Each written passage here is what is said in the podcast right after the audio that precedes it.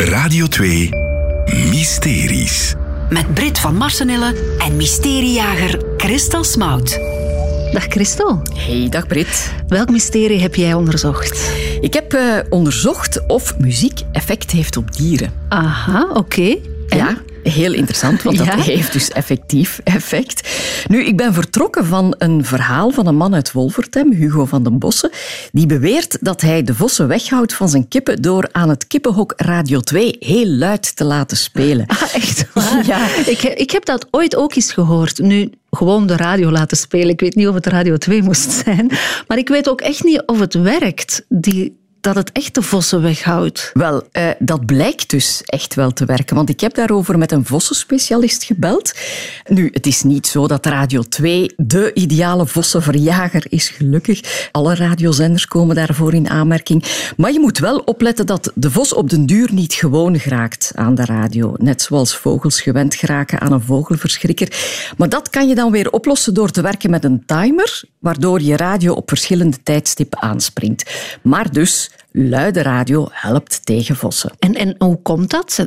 Hebben ze daar schrik van? Ja, dus ze denken dat er iemand is in de buurt en daardoor blijven ze weg. Oké, dus de radio houdt de vossen weg bij de kippen.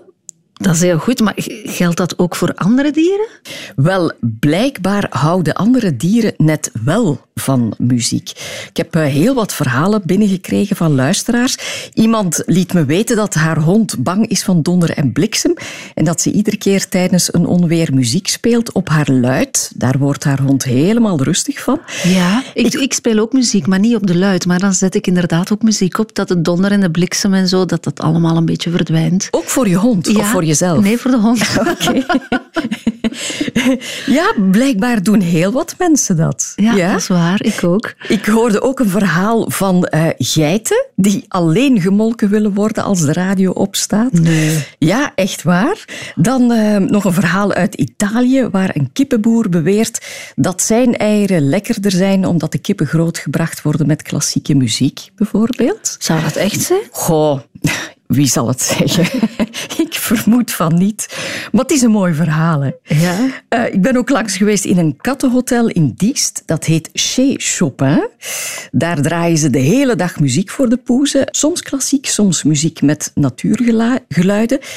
En uh, ze merken dat de katten daar ook helemaal relax van worden. Dus muziek heeft een, eigenlijk een hele positieve invloed op dieren, behalve op vossen. Ja, zo zou je het kunnen zeggen. Nu, niet alleen op uh, huisdieren. Blijkbaar experimenteren landbouwers ook met muziek in de stal.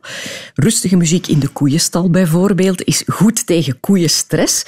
Want koeien schrikken heel snel van het uh, minste geluid. Dat, uh, dat vertelde een boer. En in Nieuwerkerken heeft een varkensboer, Piet Paasmans, een stereo in zijn varkenstal gezet. Dat is echt de moeite om te zien. Als ik muziek opzet, gaan de oren en de staart meteen omhoog en beginnen de varkens te kwispelen, zei, okay. zei de boer. En uh, hij heeft ook verschillende afspeellijsten.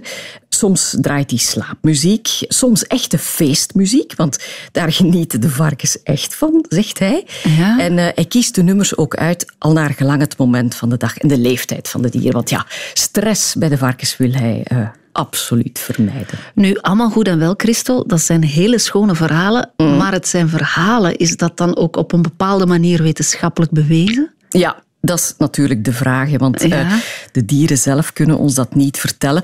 Maar er is inderdaad al heel wat wetenschappelijk onderzoek gedaan rond dat effect van muziek op dieren. Professor Frank Tuitens heeft dat onderzocht en hij zegt wat dieren precies ervaren als ze naar onze muziek luisteren is moeilijk in te schatten. Dieren zijn ook gevoelig voor andere toonhoogtes en andere ritmes ook. En toch denkt professor Tuitens dat bepaalde muziek door heel wat dieren echt als positief ervaren wordt. Het onderzoek blijkt dat vooral klassieke muziek invloed heeft op het gedrag van dieren en ook op hun stresshormoon. Dus ja. het heeft een kalmerend effect.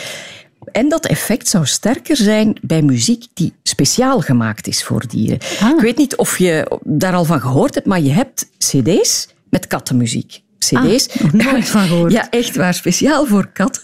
Waar klassieke muziek vermengd wordt met kattengeluiden. Dus dan hoor je bijvoorbeeld strijkers en op de achtergrond hoor je dan een kat die haar melk oplikt. Of hoor je een kat spinnen. Oké. Dat zouden de katten bijzonder graag horen. Oké, bijzonder, ja, inderdaad.